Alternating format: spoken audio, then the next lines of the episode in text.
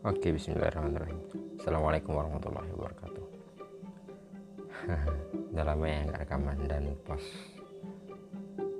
uh, podcast di podcast saya ini.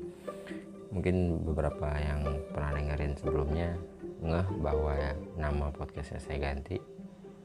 Ya alasannya kenapa? Karena kelihatannya nama sebelumnya itu Majas Amatiran itu terlalu menggambarkan buku banget lah gitu ya. Sementara kayaknya saya akan banyak bicara soal selain buku juga gitu. Ya karya-karya yang menurut saya bagus yang saya ngefans ke sana. Dan kita bahas apa di balik itu ya selepas eh, selain soal estetika dan uh, betapa bagusnya karya itu. Ini selain apresiasi kita coba bedah dengan sudut pandang saya pribadi aja. Dan bedahnya bedah ya pandangan seorang yang nggak ngerti teori membedah karya ya. Cuman menikmatin punya pandangan sendiri aja gitu aja. Nah oke okay. uh, eh, sekarang kita akan bahas saya akan bahas soal serial yang baru beres. Sebetulnya lumayan telat ya bahas ini karena udah beres minggu lalu. Tapi nggak apa-apa karena ini kalau dipendem-pendem pusing juga. Kalau ditulis kayaknya enakan diobrolin jadi jadi saya bikin rekaman ini. Nah saya akan bahas soal Loki ya serial Loki. Tayangnya di Disney Hot Disney Plus Hotstar uh, setiap hari Rabu tapi sudah beres ya. Dan obrolan hari malam ini hari ini di rekaman ini akan mengandung banyak spoiler. Jadi kalau yang berniat nonton tapi nggak pengen spoilerin ya mending nggak usah dengerin dulu lah ya gitu ya. Jadi ini spoiler warning. Oke kita saya akan bahas dua sisi ya insya Allah pertama estetikanya seberapa baik ya karya ini dan apa yang menurut saya luar biasa. Kemudian nanti kita bedah sedikit uh, ide di baliknya apa uh, ide apa worldview di baliknya gitu ya apa yang apa yang coba disampaikan oleh serial serial Loki ini? Kita mulai. Nah uh, serial Loki ini bercerita tentang Loki. Sebagaimana kita tahu tokoh Marvel di MCU juga di komik ya. Adiknya adik adik tirinya Thor. Ah sorry adik angkat ya. Ya dia anak angkat. Thor ya waktu tahun 2012 di serial Avengers pertama itu dia buat kacauan di New York. Nah tapi karena kita nyambung ke Avengers yang terakhir di apa Endgame mereka balik ke masa lalu untuk ngambil semua batu-batu buat ngalahin Thanos itu terjadi sebuah insiden. Ketika turun ke bawah dari Stark Building itu Tower ya sorry. Uh, dan udah mau ketemu sama jurnalis dan beberapa wartawan. Itu kan Hook ngesel gitu. Dia naik naik tangga bukan nggak bisa naik lift karena penuh liftnya. Nah ketika mukul pintu keluar dari tangga mukul pintu itu nggak sengaja karena siapa ya? Kalau salah Tony Stark yang bawa di dalam di dalam tas itu. Tony Stark dari versi uh, Endgame. Jadi adegan di film itu ada dua Tony Stark yang sudah di apa um, lagi bawa Tesseract jadi ketika itu sengaja dibuat Tony Stark yang tahun 2012 sakit jantung jatuhin uh, Tesseractnya yang di dalam koper ditendang sama Ant-Man dibawa sama Tony Stark tahun, tahun 2018 eh 2000 sorry 2024 ya kalau salah settingnya. Dibawa kemudian dipukul sama Hulk. Nggak sengaja kepukul sama Hulk yang lagi mukul pintu di tangganya itu karena dia kesel harus naik tangga. Nah akibat itu Tesseractnya akhirnya tercecer di tengah jalan. Tercecernya bukan hanya tengah jalan sebetulnya di depan mukanya Loki yang saat itu jadi borgol sama Thor Nah, kejadian itu akhirnya dimanfaatkan oleh Loki untuk kabur dari situ. Namanya Tesseract sebagaimana kita tahu di Infinity Infinity War ya kalau salah eh sorry Infinity War atau atau Endgame ya pokoknya Natasha Romanoff itu kan ketahuan uh, apa waktu ngambil Soul Stone itu ternyata sedikit ngulang aja ternyata Red Skull terlempar ke sana kan tempat mengambil formir tempat mengambil Soul Stone itu. Nah namanya Tesseract itu pernah melempar Red Skull sampai ke formir antah berantah. Sebegitu juga uh, Loki. Loki terlempar entah ke mana dan ternyata dia tiba di Tibet. Di Tibet dia langsung ketemu masyarakat yang lagi nggak tahu lagi ngapain di tengah padang pasir gitu. Dia tiba-tiba langsung pidato belagak jadi dewa sebagaimana dia biasanya tapi karena orang-orang di sana nggak ngerti. Dan ternyata tiba-tiba datang juga uh, petugas yang nama yang dari apa petugas dari sebuah lembaga kayak kayak kayak polisi gitu lah pakaiannya. Sebuah lembaga namanya TVA Time Variant Authority atau otoritas uh, waktu ya. Eh, otoritas varian waktu. Gitu. Nah dianggaplah si Loki ini melanggar garis waktu atau takdir yang harusnya dia jalani. Jadi bukan harusnya bukan nggak dia nggak boleh harus dia nggak seharusnya ke Tibet. Ya, harusnya dia dikembalikan ke Asgard sebagaimana di film yang kita tonton sebelum sebelumnya. Nah menarik nih. Kalau saya sih ini sedikit ada apa ya masalah logika sedikit saya nggak tahu sih mungkin ada udah ada yang dibahas juga. Sebetulnya kan itu uh, apa yang dilakukan oleh Loki itu bukan bukan perjalanan waktu ya tapi perjalanan tempat. Uh, itu kan space stone ya kalau salah di di Tesseract itu space stone. Jadi dia perjalanan tempat. Uh, sebetulnya nggak nggak serta merta melanggar waktu sebetulnya.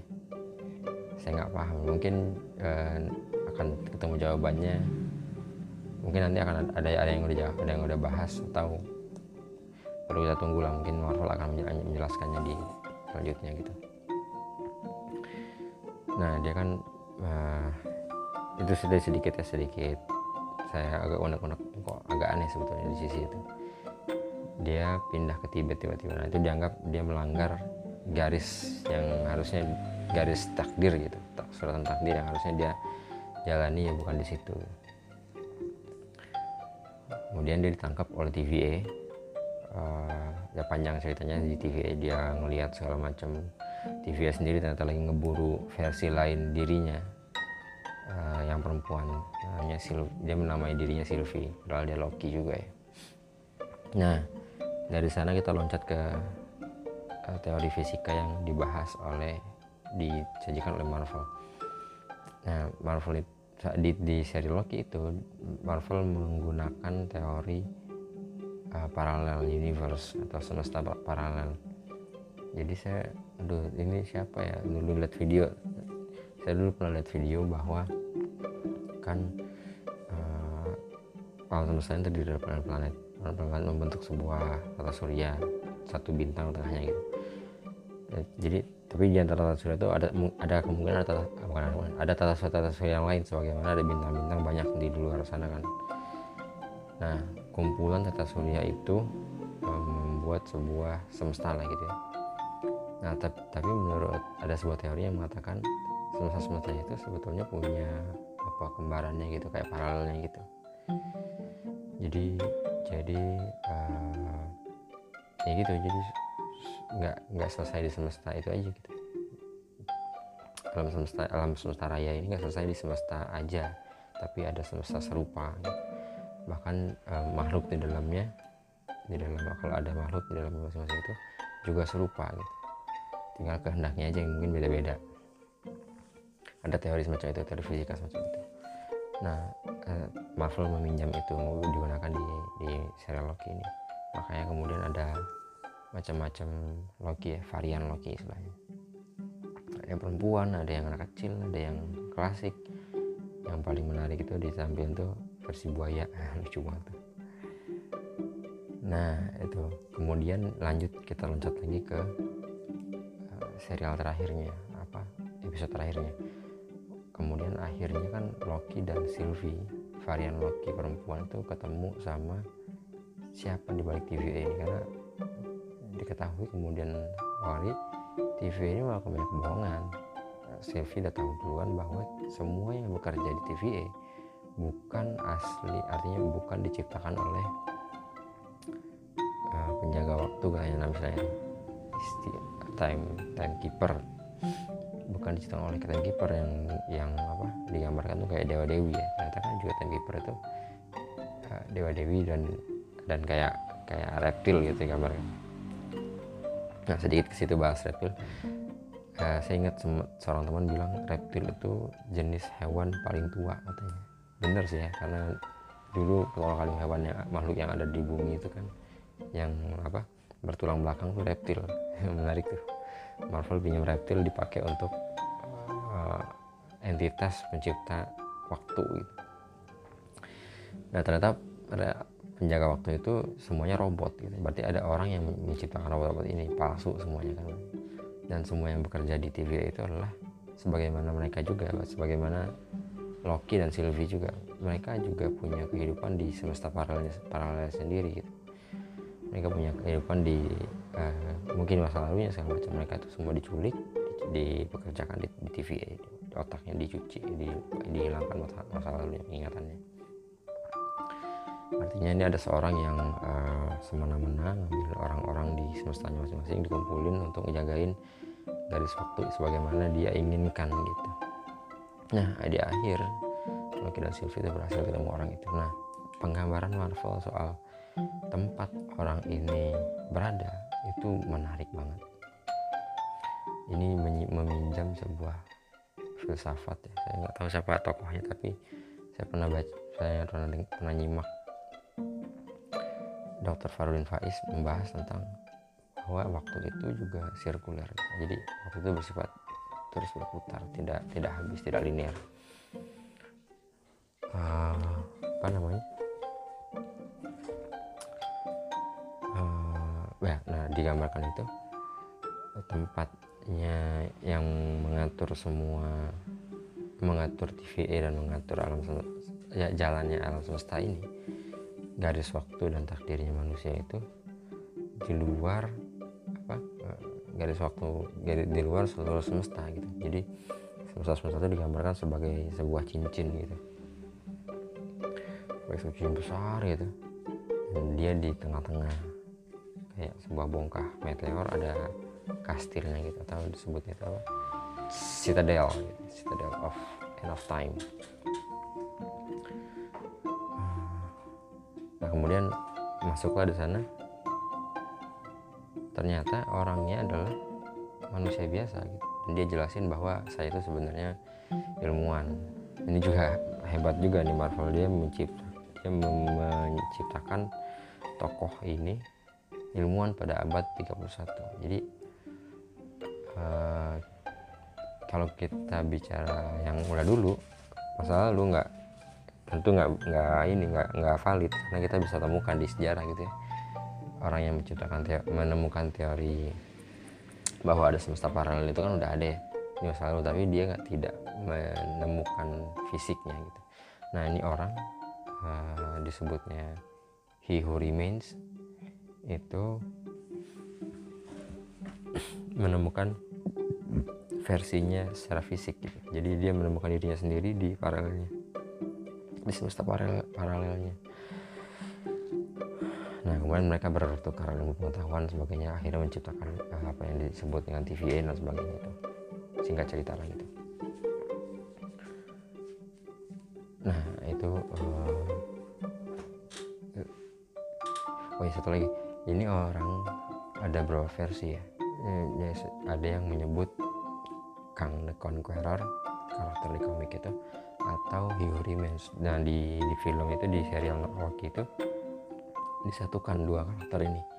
Jadi sebutnya He Who Remains tapi juga punya karakter-karakter mirip dan bukan sorry uh, aktornya sendiri itu sudah bilang ke ke media-media bahwa Terry Wancari bilang bahwa dia udah tanda kontrak untuk memainkan karakter Kang the Conqueror artinya Marvel menggabungkan dua karakter Hugo Remains dan Kang the Conqueror uh, Remains ada di komiknya Thor ada kalau bisa cari kalau mau dicari ada cari di beberapa channel YouTube atau yang lain tuh udah pernah bahas.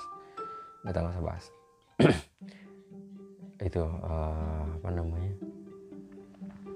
Sisi pertama sisi uh, estetikanya kekaguman saya soal serial ini nah sisi kemudian selanjutnya adalah apa yang kita apa yang kita lihat dari apa yang mau disampaikan oleh serial ini gitu ya. Kalau kita lihat pertama dia ngambil uh, teori semesta paralel kedua uh, filsafat bahwa waktu itu sirkular gitu.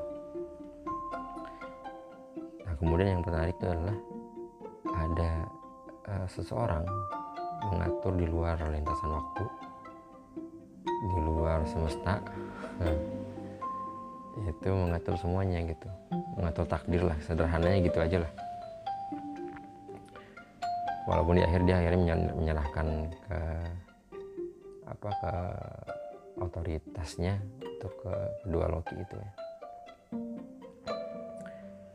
Uh, ini kan simpelnya Marvel tuh lagi menggambarkan Tuhan ya apa eh, sifat-sifat uh, ketuhanan gitu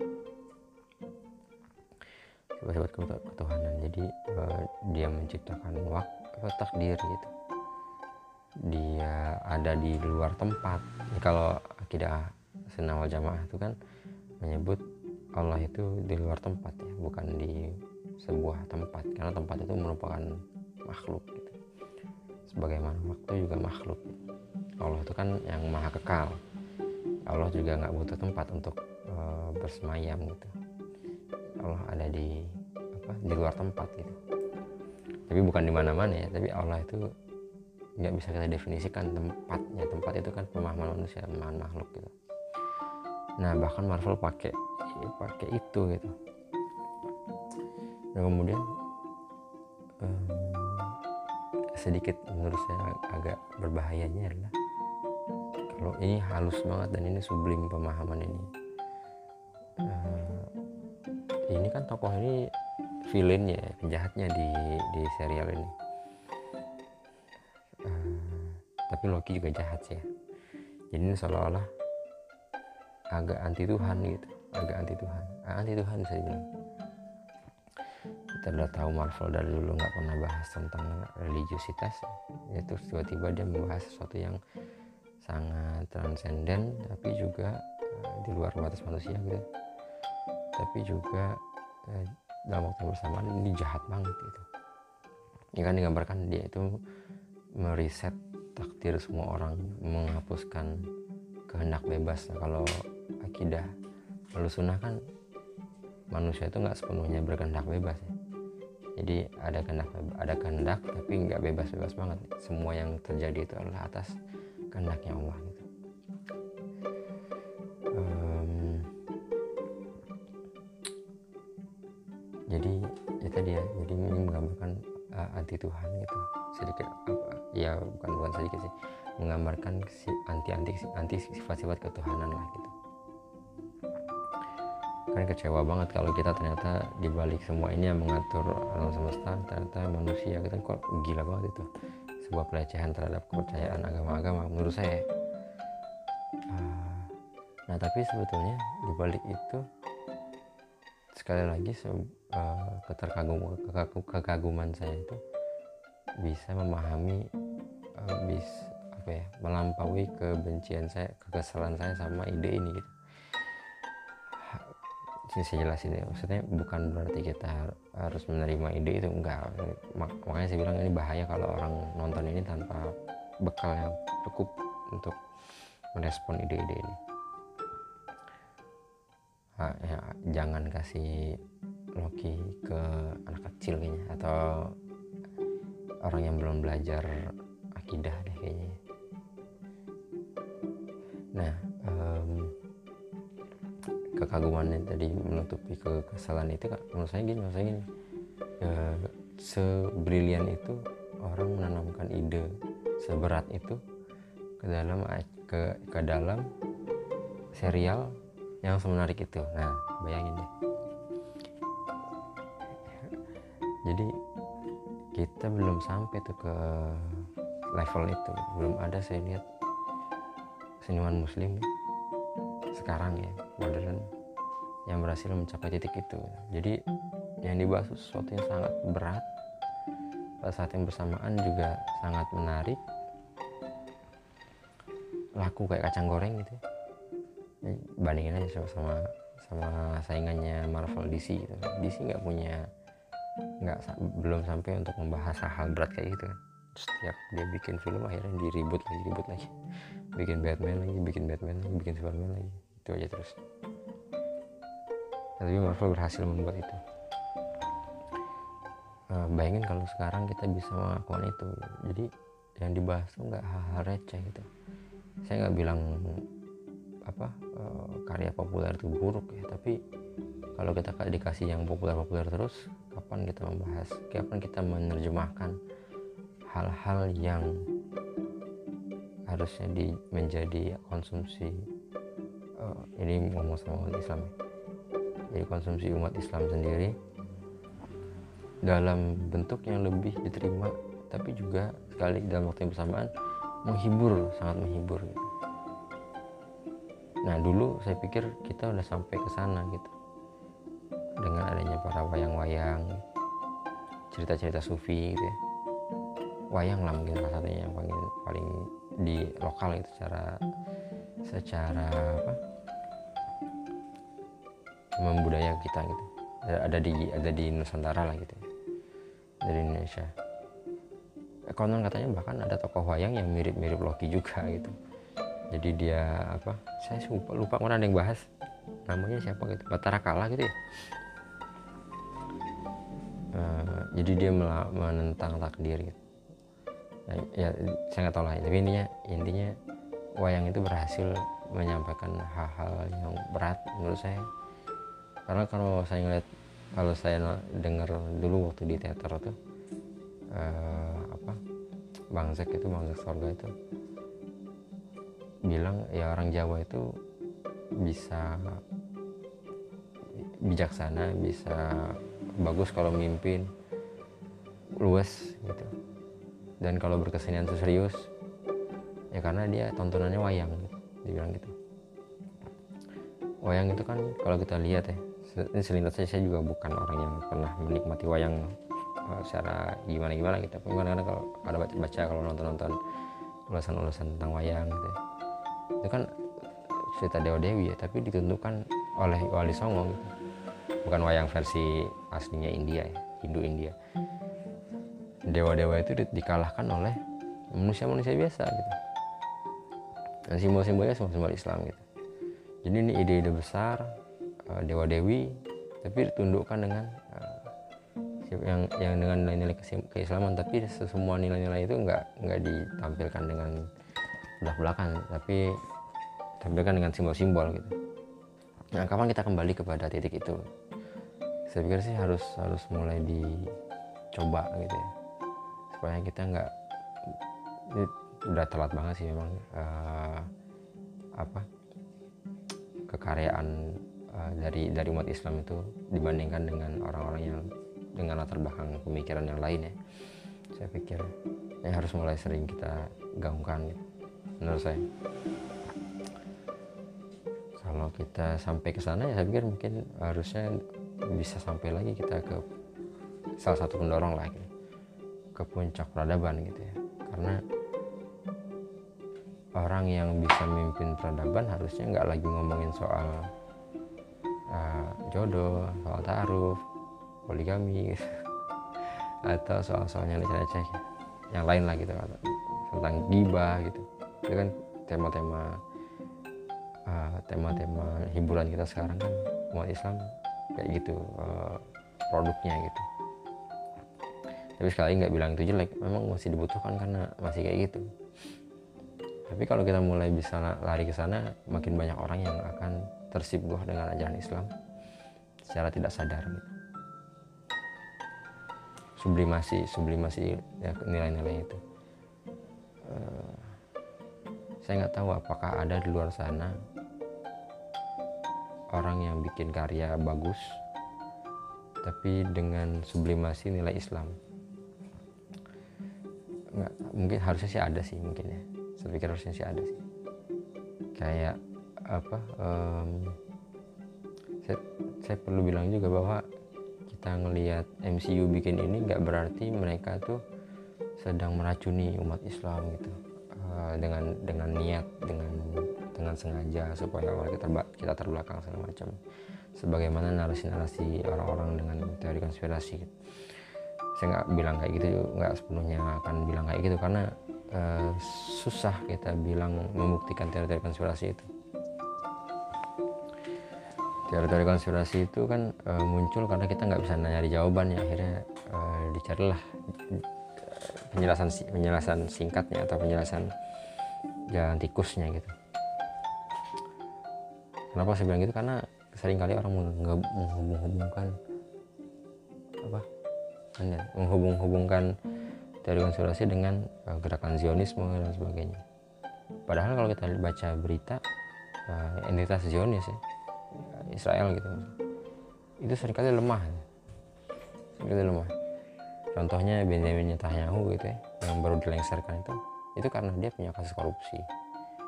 Atau yang baru-baru ini banget, itu pemimpin-pemimpin Zionis itu di Israel itu uh, kewalahan nggak mencak-mencak marah-marah nyebut sebuah merek Ben and Jerry's merek es krim uh, terorisme ekonomi cuma karena dia nutup gerainya di Palestina terjajah gitu. coba bayangin itu kan uh, lemah banget gitu. Hebat apa sih Zionis bisa bikin dunia ini jadi ikut worldview mereka gitu. Kalau memang semua kejahatan yang ada tuh atau semua produk-produk yang punya latar belakang punya latar belakang pemikiran yang berbahaya bagi umat Islam itu sengaja dibuat dan supaya orang masuk. Saya pikir nggak sesederhana itu sih. Saya lebih percaya mungkin orang-orang yang membuat di sini percaya bahwa apa yang mereka tahu itu adalah benar gitu. Jadi mereka nggak nggak ngambil pusing eh, sedang berpihak apa membuat apa segala macam saya percaya mereka mungkin kemungkinan besar mereka cuma bikin aja karena mereka percaya itu yang benar gitu. Itu lebih mudah kita pahami kan. Lebih mudah kita terima kan. Kalau kayak gitu. Nah kalau kita membuka diri sama pemahaman kayak gitu kita bisa punya banyak referensi. Dan seperti bahasa saya sekarang berbicara uh, merekam ini gitu uh, ke yang siapa pun yang dengerin sekarang. Kalau kita punya banyak referensi kita punya apa uh, ya referensi untuk berkarya untuk menaikkan kelas karya kita gitu. kalau umat Islam menutup diri terus sama hal-hal baik hal-hal yang bagus di luar sana. Tapi uh, mencoba bikin karya yang uh, cuman ngejar populer aja ngejar ini aja. Ya kita akan terjebak pada karya-karya yang populer aja gitu. Nggak bisa ngapain lagi dari saya bilang level kita menyampaikan ide-ide tauhid misalnya. Untuk orang-orang yang tidak kenal tauhid.